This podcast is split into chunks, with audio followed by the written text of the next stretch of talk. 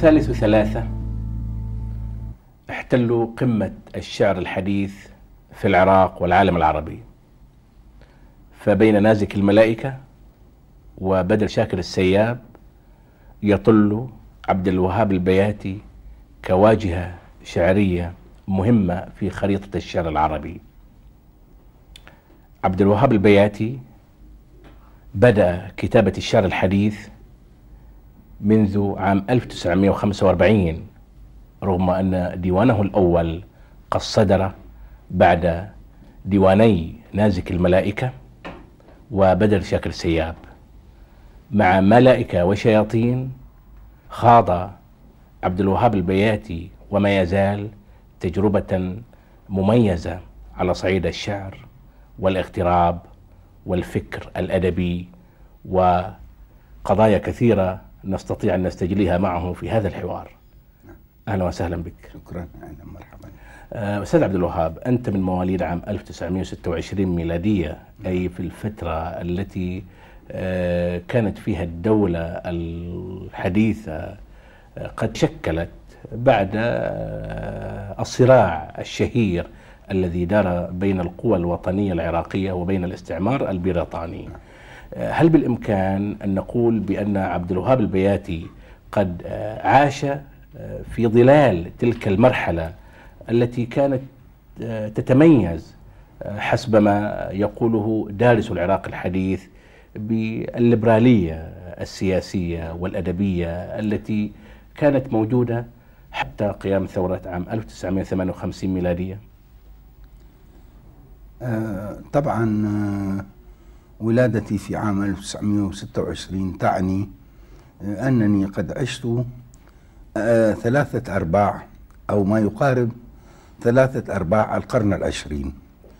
ولقد شهدت بغداد منذ مولدي حتى الآن في حالاتها وفي تحولاتها الاقتصادية والاجتماعية والثقافية. وكما يعلم المشاهد الكريم فإنني قد ولدت آه، في باب الشيخ حيث مسجد آه، عبد القادر الجيلاني. وهي منطقة شهيرة في بغداد بل أنها من أقدم المناطق في بغداد. آه، هذه المنطقة كانت تعج بالفقراء والبؤساء وبالطبقة المتوسطة كما يسمونها.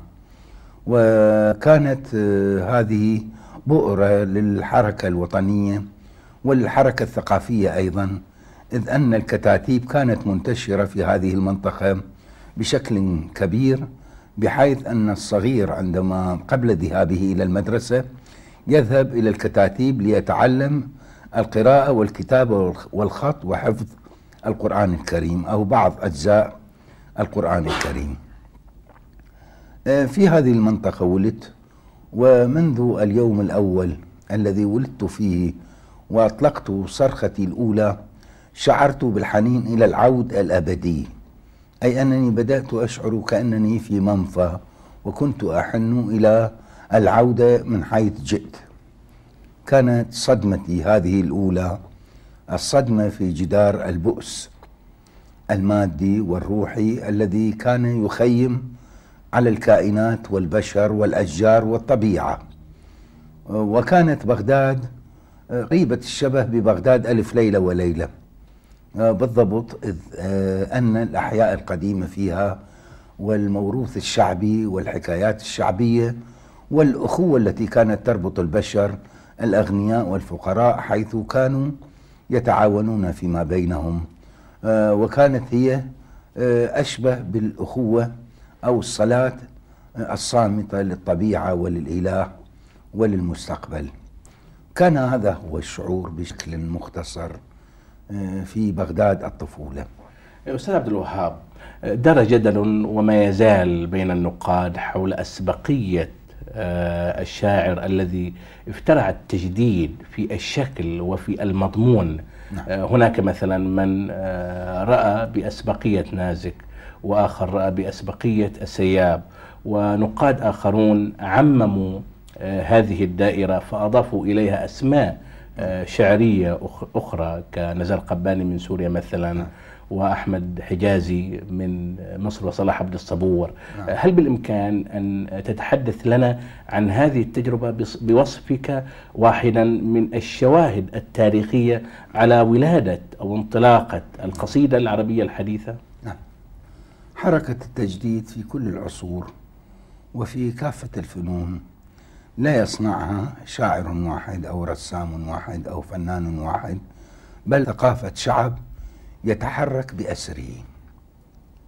ومن ثم فإن الإرهاصات التي قام بها أبا كثير وسواه من شعراء العربية كانت تتجمع أشبه بالسحب الصغيرة لكي تكون سحبا كبيره ستمطر في أرض المستقبل.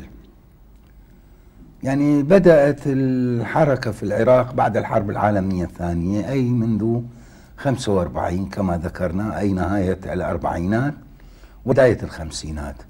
آه، بالنسبة لي أنا كنت أكتب أو أحاول التجديد كما سمي فيما بعد في نفس مرحلة السياب ونازك الملائكة ولكنني كنت لا أنشر بالصحف إذ أنني كنت أعد نفسي للمستقبل. كنت لا أفكر النشر في الحاضر الذي أنا فيه لأن التجديد لم ينضج بعد وكان هناك حتى في الشكل الجديد تناقض بين هذا الشكل والمضمون حتى أنني كنت أقول للسياب في ذلك الوقت أن هذه القصيدة التي قرأتها لك كان يمكن أن تكتب بشكل العمودي وتكون أجمل. لأنها تحمل نفس ملامح الشعر الرومانسي والشعر العمودي ولكنها مكتوبة بالتفعيلة فهي أشبه بالماء الرائق الصافي الذي يسكب في الأرض. آه، أستاذ عبد الوهاب هل بالإمكان أن تتحدث لنا عن آه، حقيقة العلاقة التي كانت بينك وبين قرينك الشاعر الراحل السياب؟ نحن نعلم بأنكما قد تعلمتما في مؤسسة تعليمية واحدة وهي دار المعلمين المعلمين وكذلك فقد عملتما في منطقة واحدة وهي الرمادي. صحيح هذا يعني بالرغم من أنه قد سبقني بعامين ولكننا ولدنا بعام واحد 1926 كما ذكرت ولكنني تأخرت بعد تخرجي من الثانوية لأسباب صحية ثم دخلت دار المعلمين العالية في السنة التي تلتها. أول معرفتي به عندما دخلت دار المعلمين العالية كنت أتمشى في ممرات حديقة دار المعلمين العالية وذات يوم كنت وجها لوجه أمامه. فسلم علي وقال لي سمعت بأنك تكتب الشعر وهذا شيء جميل وأحب أن أتعرف عليك. منذ تلك اللحظة أصبحنا أصدقاء. يعني كان يقرأ شعره الجديد علي. آه، حتى أنني أتذكر أنني عندما كنت أتأخر عن المجيء كان يشعر بالقلق الشديد. وعندما كنت أصل إلى دار المعلمين العالية وأجده قلقا آه، أحس أنه قد كتب شيئا جديدا ويريد أن يقرأه علي. ظلت هذه الصداقة فيما بيننا آه، إلى أن تخرجنا في دار المعلمين العالية. بعد ديوانك آه، أباريق مهشمة وديوان السياب أنشودة المطر كأنكما قد خضتما أو بالأحرى أخذتما آه، تيار التعبير الواقعي في القصيدة الحديثة الجديدة إلى آفاق أخرى. وأنت بالذات عممت خطابا آه، أيديولوجيا كان لصالح طبقة ما ضد طبقة أخرى هل بالإمكان أن تتحدث لنا عن هذه النقطة؟ يعني ليس بهذا الشكل بالضبط هذا كلام يقترب من علم الاجتماع أو السياسة ولكني أقول أنني قد امتزت مثلا عن السياب في أنني استخدمت الفولكلور الريفي والشعبي وفولكلور العراق ولكنني لم أستخدمه كتضمين في قصائدي بل أنه ذاب في شعري هل نأخذ قصيدة سوق القرية كمثل؟ نعم مثلا سوق القرية حتى أن بعض الذين درسوا هذه القصيدة وأذكر منهم آه، مستشرقا أمانيا آه، قال أن هذه القصيدة حولت الواقع إلى أسطورة أي أن سوق القرية هي سوق عراقية ولكنها تحولت إلى سوق أسطورية في نفس الوقت. يعني هناك فروق طبعا بيني وبين السياب آه، حتى أن الدكتور حسان عباس آه، عندما كتب كتابه آه، الأخير الذي صدر في سلسلة عالم المعرفة في الكويت اتجاهات جديدة في الشعر العربي. الشعر قال أنه قد يكون السياب أو نازك قد سبق البياتي في تجديد في الشكل ولكن البياتي هو الذي رسخ هذا الشكل وجعله مبررا أمام القارئ وأمام الناقد وأمام حركة الشعر العربي. وهذه قضية تخص النقاد يعني لا نريد التمادي فيها.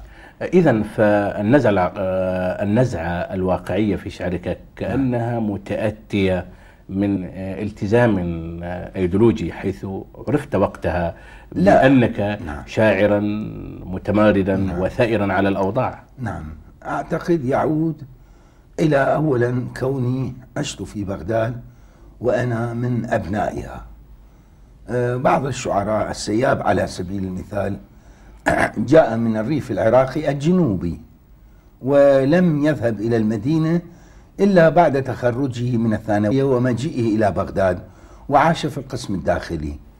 آه، بالنسبة لي كنت أعيش مع الناس ومع البشر آه، بجانب بذرة التمرد التي ولدت معي منذ اليوم الأول وشعوري بأنني في منفى وأنني أحن إلى العود الأبدي.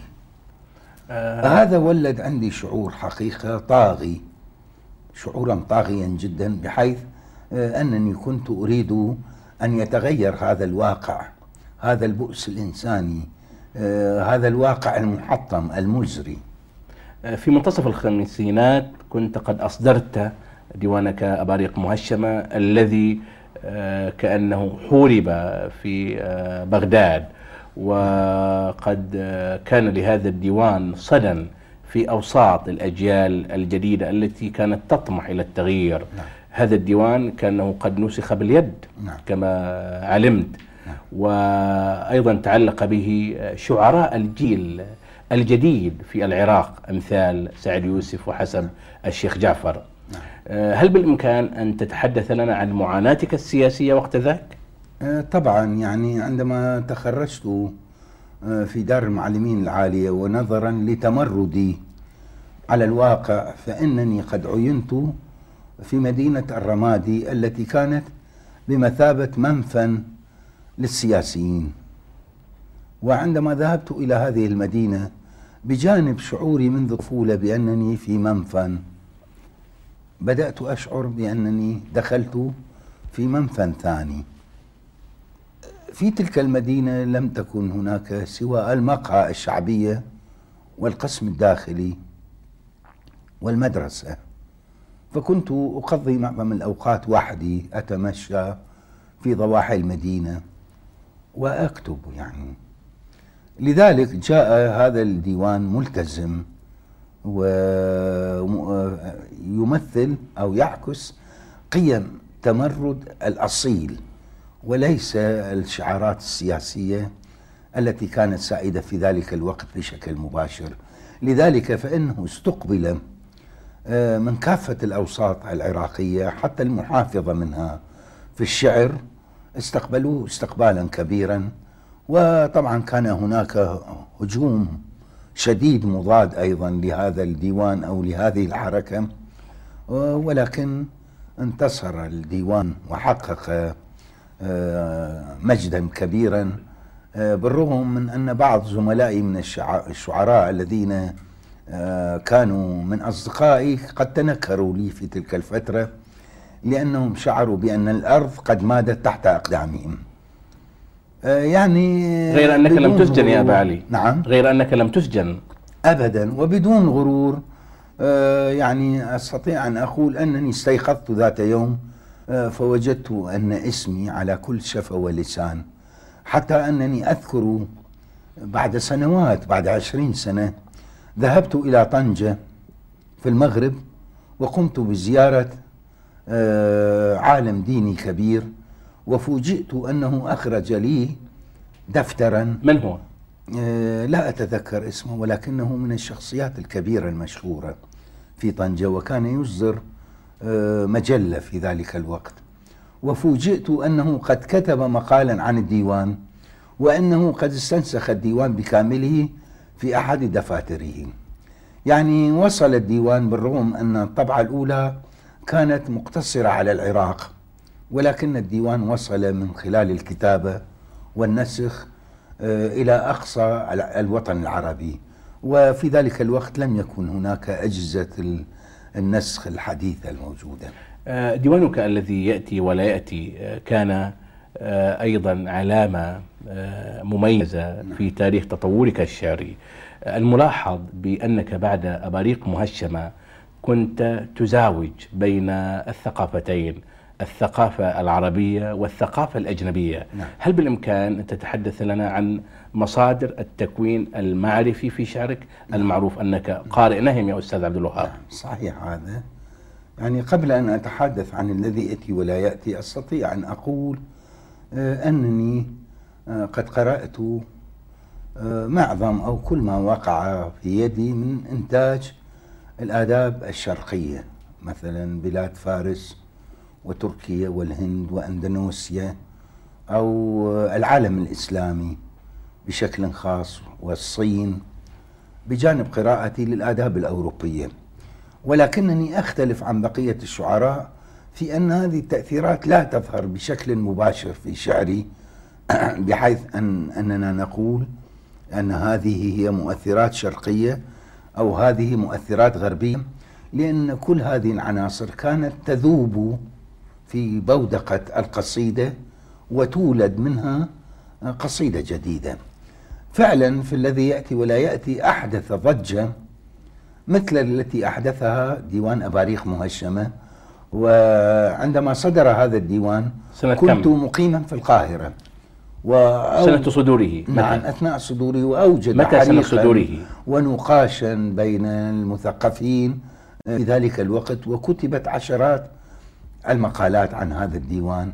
وكان يتم نقاشه في الندوات والسهرات والجلسات وفي كل مكان. من هو الذي يأتي ولا يأتي؟ ومتى صدر؟ يعني ربما لا أريد أربط ذلك لا بالاتجاه اللاهوتي ولا بالاتجاه الفلسفي. أنا حاولت مثل ما حاول بعض الكتاب الأوروبيين مثلا نعرف مسرحيات في انتظار جودو. نعم. أنا تخلق إنسان أيضا ليس عبثيا إنما إنسان مؤمن آه، بقيم المستقبل مؤمن بالإنسان آه، ينتظر حدثا. معجزة شيئا ما ستحصل في الحياة. وهذا إذا علمنا آه، أن هذا الديوان كان إرهاصا لهزيمة 67 التي أصابت العرب لأنه صدر في عام 66 عندما كان الناس يطربون ويغنون في الشوارع على وقع الشعارات كنت أنا أتألم جدا أشعر من خلال معطيات الحياة اليومية وجزئياتها أننا مقبلون على كارثة كبيرة من خلال قعقعة الشعارات والأسلحة وما أشبه وفعلا حصل هذا. ولهذا فبعد هزيمة حزيران يعتبر التتمة لثلاثية بدأت بسفر الفخر والثورة والذي يأتي ولا يأتي الموت في الحياة. يعني كانت تكملة للذي يأتي ولا يأتي. أستاذ عبد الوهاب عرفت شاعرا مغتربا ومنفيا والباحثون كثيرا ما يقفون عند هذه الظاهرة في شعرك وحياتك نعم. السؤال متى خرجت لأول مرة من العراق؟ نعم آه عندما فصلت من وظيفتي في عشية حلف بغداد آه خرجت منذ ذلك الوقت وطوفت في البلدان في البداية كنت في دمشق ثم بيروت ثم القاهرة آه ولم أعد إلى العراق إلا بعد التغيير الذي حصل في عام 1958 آه، يعني كان آه، شعوري بالمنفى كما قلت. هو منذ البداية منذ وجودي في العراق لأنني كنت أشعر أن ثقافتي ومؤهلاتي تضيق بها البيئة التي كنت أعيش فيها. كنت أريد أن أجد مضطربا واسعا في الأرض. آه لهذا فإن رحلتي إلى سوريا ولبنان ومصر توجت بأعمال كثيرة وبتجارب جديدة وحيث أنني تعرفت على مختلف أجيال أدباء العربية في ذلك الوقت سواء كان في سوريا أو لبنان أو مصر. آه، أستاذ عبد الوهاب هل نستطيع أن نقف عند آه، محطتك في موسكو حينما ذهبت إليها نعم. مستشارا ثقافيا للعراق هناك كأنك قد تأثرت بالجو الثقافي والأدبي والسياسي في موسكو أيام اشتداد الحرب الباردة هل نقول بأن الوتيرة آه، السياسية والأيديولوجية كان قد حميت في شعرك وقت ذاك؟ لا أقول قد حميت بل أنني بدأت آه، أفهم المعادل الموضوعي بين النظريات والأيديولوجيات وبين تطبيقها في الواقع. وهذا ما أثار جزعي وجعلني أتحدث في تلك السنوات عن شروخ كثيرة في جدار ضخم حتى أن البعض كان يستغرب من كلامي ولكن رؤيتي لهذه الشروخ التي لا ترى في هذا الجدار الكبير ظهرت فيما بعد حتى أدى إلى انهيار هذا الجدار. أه ولكن أه إقامتي في هذه المدينة الواسعة كانت إقامة عظيمة إذ أنها أتاحت لي النضوج بيولوجيا وإنسانيا وثقافيا وأتاحت لي زيارة كثير من البلدان الآسيوية والأوروبية أيضا آه، وأتاحت لي أيضا التعرف بعشرات ومئات الشعراء والكتاب آه، سواء من آه، الاتحاد السوفيتي في ذلك الوقت والبلدان الآسيوية والأوروبية. أثناء مكوثك في موسكو أخذك سفير مصر السابق مراد غالب ووزير خارجيتها بعد ذلك إلى مصر بطلب من النظام المصري وقت ذاك نعم. آه، هل كان هذا الطلب عبارة عن تصفية حسابات بين النظام الناصري والنظام النظام الحاكم وقت ذاك في بغداد؟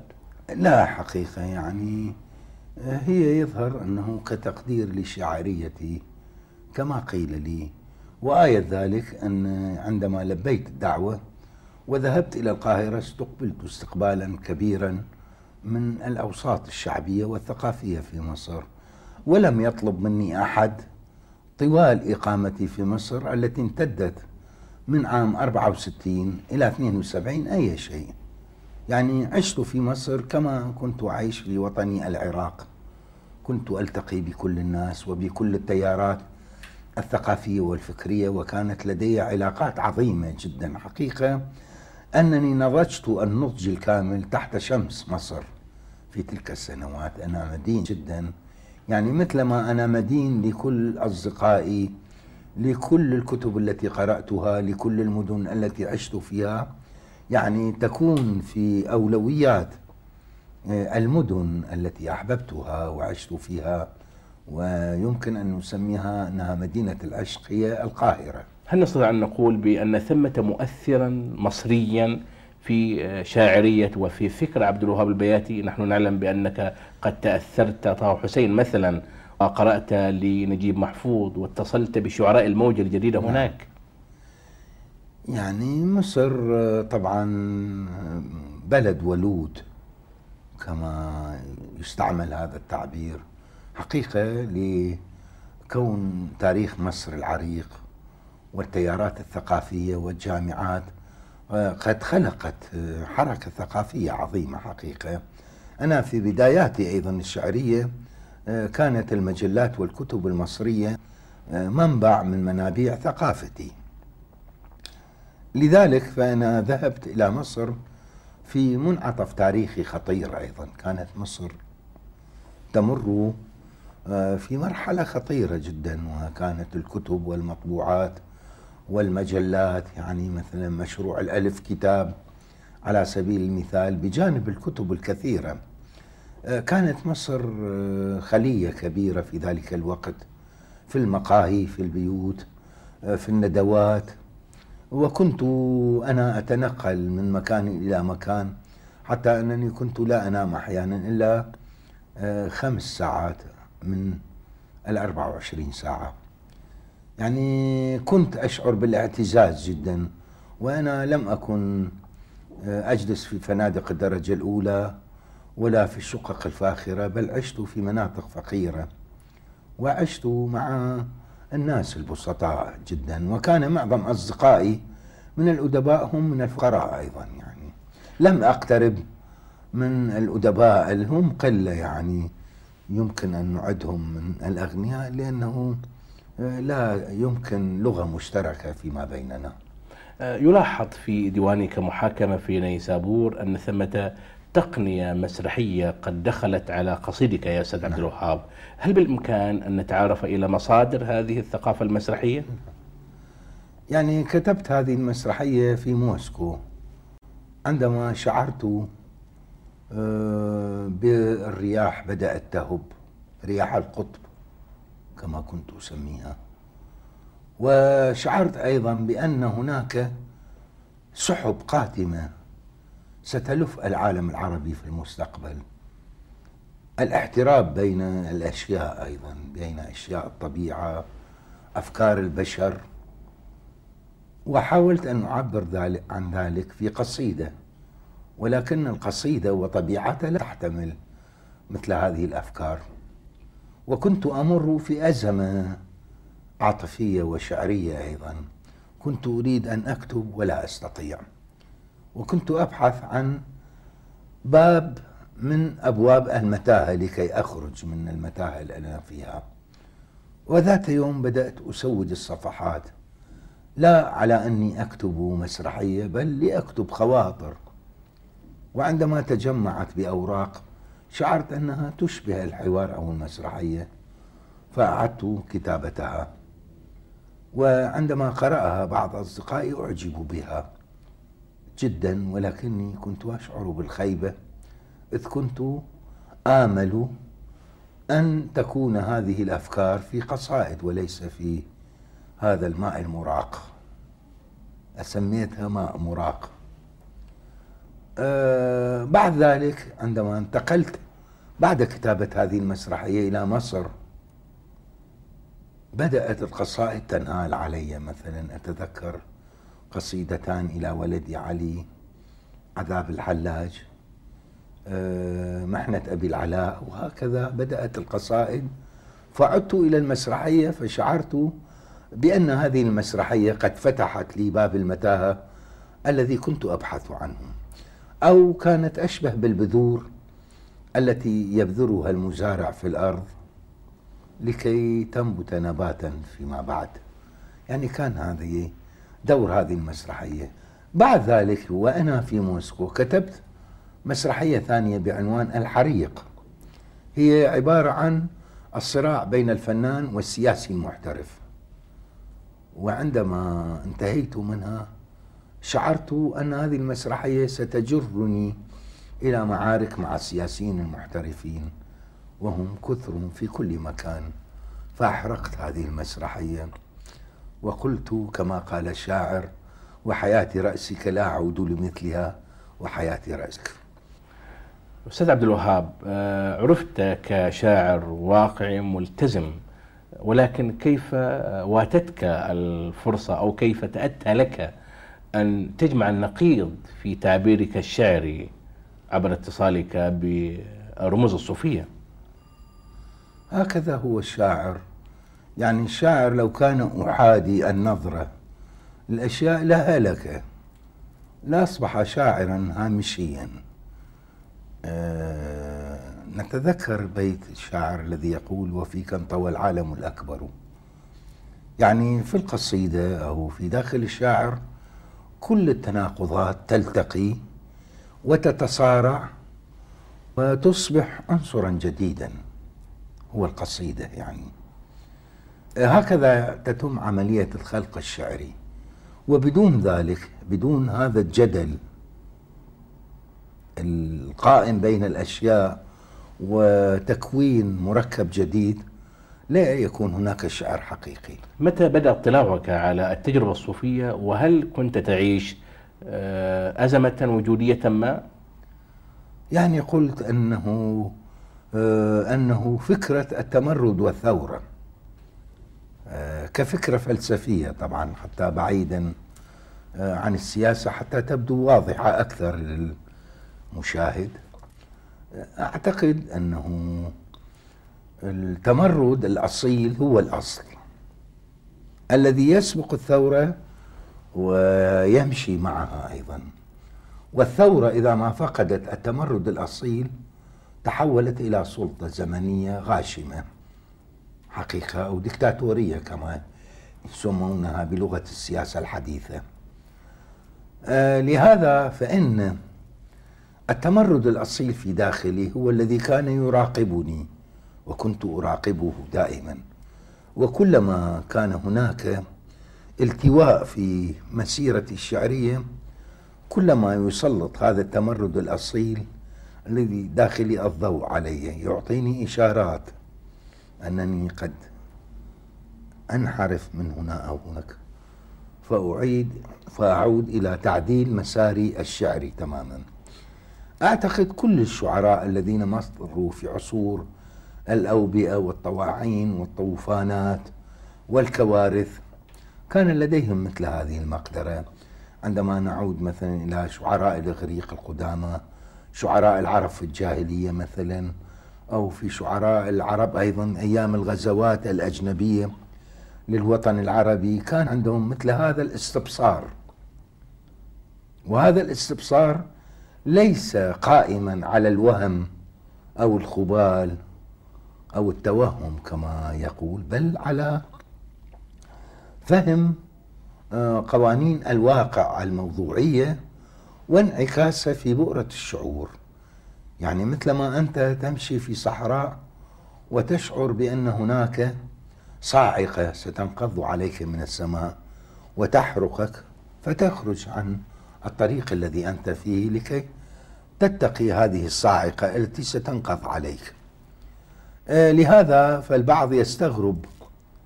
يعني بعض أصدقائي من القراء الذين ألتقي بهم في معظم عواصم العالم أو مدنه يسألوني كيف استطعت الحفاظ على رأسي؟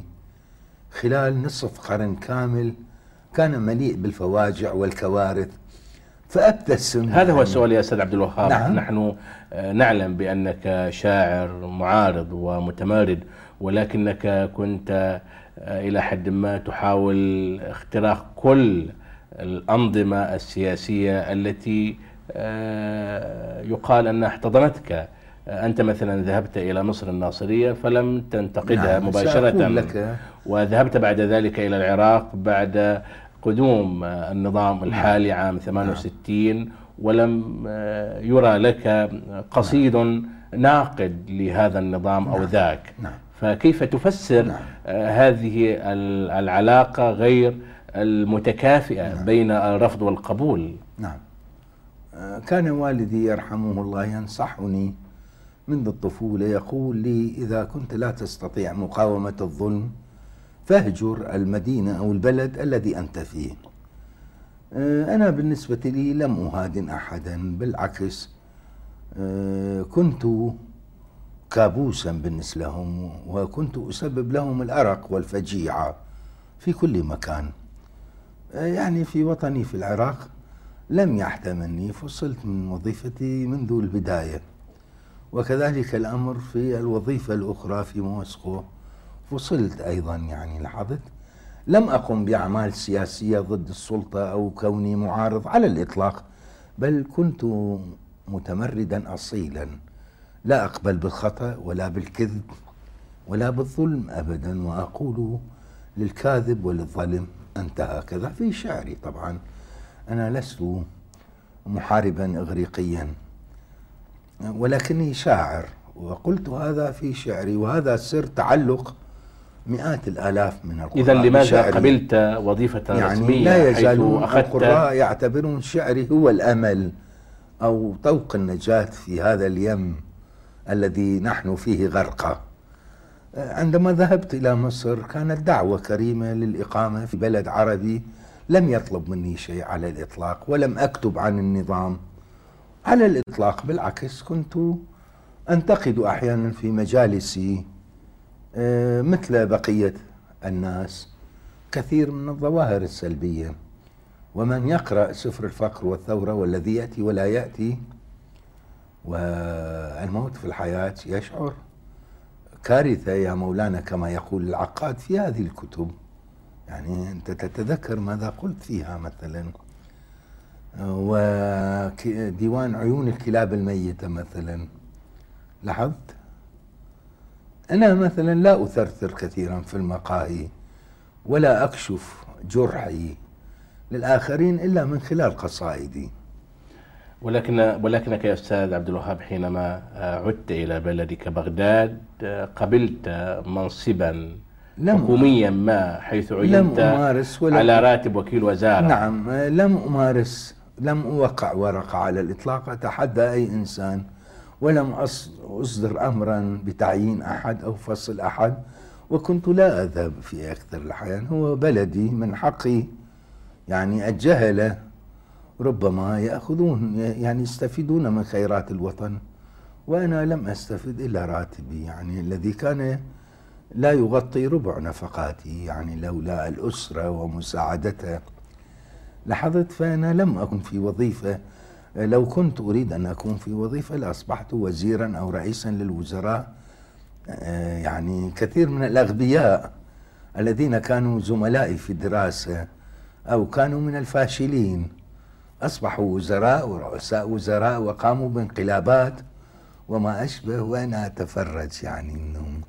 طبعا أنا ممكن أحركهم بإصبع واحد كل هؤلاء يعني وأبيعهم في سوق العبيد. على سبيل المثال في شعري طبعا أنا لا. ولذلك آه، الشاعر قدر في هذا العصر أو في هذا القرن آه، قدر أن يتأمل ويكتب وأن لا يكون شاهد زور. أنا كنت ضد العور والأقزام وشهود الزور. في كل شعري يعني ولكنك ذهبت إلى إسبانيا ملحقا أو مستشارا ثقافيا لم أذهب وعشت هناك عيشة لم أذهب مترفة. إلى السفارة أكثر من عشر مرات. يعني كنت آخذ راتبي وهذا حق من حقوقي.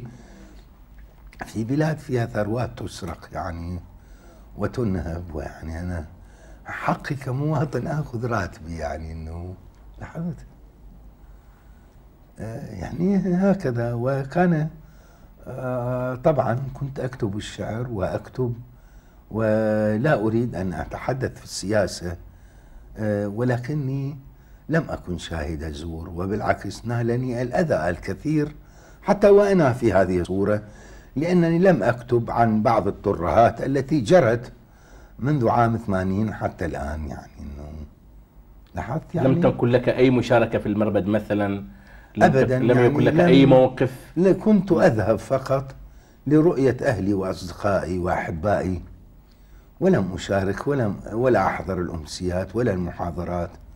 كنت أجلس في صالون الفندق لاستقبال أصدقائي والحديث معهم وأسهر في الليل معهم وأتجول في الشوارع.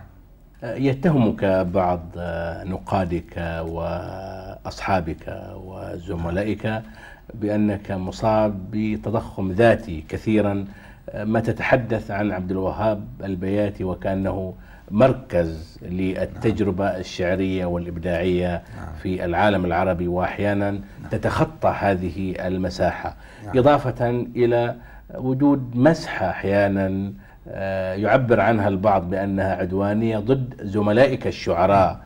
معروف انتقادك جيد. مثلا شكرا. لنزار قباني نعم. ولأدونيس ولمحمود درويش نعم. ولغير هؤلاء من الشعراء نعم. آه أنت الآن نعم. آه متهم نعم. فهل بالإمكان أن طبعا. نستمع إلى الدفاع؟ يعني لو أصاب أي شاعر من هؤلاء واحد من مليون مما أصابني من شهرة لما كلم عباد الله يعني ولكني إنسان متواضع جدا مع الفقراء ومع الأصدقاء ومع القراء جدا جدا. وبالعكس أنا أقل الشعراء حديثا عن نفسي ولكن عندما أسأل يعني أنا أمام المشاهدين وأنت تستجوبني لا بد لي من الإجابة. ليس من المعقول مثلا أن يكون قد صدر كتاب لي وأقول لم يصدر أو أنه غير موجود. لأنني أسأل يعني أنا لم أتحدث من تلقاء نفسي لولا السؤال لا لا أتحدث. أه، حتى أنني عندما أذهب إلى المقهى الذي أتردد عليه في أي مدينة أسأل أصدقائي ما هي آخر أخباري. وأبتسم لأني لا أعرفها وهم يعرفونها أفضل مني. هذا أولا. الجواب الثاني يعني بعض الشعراء لا أسمي لا أقصد الأسماء التي ذكرتها أنت إنما بشكل عام بعض الشعراء يمكن أن نصفهم بالنرجسية الفظيعة التي لا تطاق والإغراق في الذاتية والإعجاب بالنفس كالطواويس التي تزهو بريشها المجلوب أو الصناعي من هم هؤلاء؟ يعني وهم كثروا مثل ما يجاوب الشاعر. هذا أولا. بعضهم يرتكب أمور آه، يعاقب عليها القانون أو غير القانون. مثل ماذا؟ مثلهم مثل بقية الناس. لماذا؟ هل الشاعر مغفور له؟ هل أننا نغفر للشاعر بينما لا نغفر للفقير الذي يسرق رغيفا من الخبز؟ هل هنا أن نسألك عن يعني لا نريد أن آه، نتكلم الزوبعة عن الإعلامية. الباطنية لا أريد أن أتكلم في هذه المناسبة الجميلة عن فضائح الباطنية فأنا أعرف الكثير عن الحياة الخفية التي يمسها بعض المثقفين في العالم العربي بشكل عام وبدون تحديد أسماء. هي يندى لها الجبين إذا هل وأستطيع أن أصوتهم وأضربهم بالعصا عليها يعني. لاحظت؟ إذا هل لنا هنا أن نسأل عن الزوبعة الإعلامية التي آه، ثارت من حول آه، لقاء ودونيس آه، مؤتمر غرناطة الذي حضره أدباء إسرائيليون؟ لا أنا لم أتحدث عن هذا لأنه أنا مهتم في كتابة كتاب جديد. بدأت به منذ أشهر. عن ماذا؟ نعم. عن ماذا هذا الكتاب؟ لا أبوح بذلك يعني سيكون مفاجأة هذا الكتاب. لا أدري ماذا كتبت فيه حتى الآن. إذا ما رأيك في التطبيع الثقافي الذي يحاوله اليوم آه، نفر قليل من المثقفين والأدباء العرب؟ يعني لا التطبيع مع إسرائيل أقصد هنا. لقد عشت دائما بعيدا عن اتحادات الأدباء والمؤسسات. والأنظمة. عشت حرا طليقا. فأنا هذه الأشياء لا تهمني وعندما تصل إلى سمعي أبتسم يعني أنه ولا أريد أن أقول كلمة معيبة تقال في هذه المناسبة لئلا أجرح سمع المشاهد الكريم. أستاذ عبد الوهاب شكرا لك.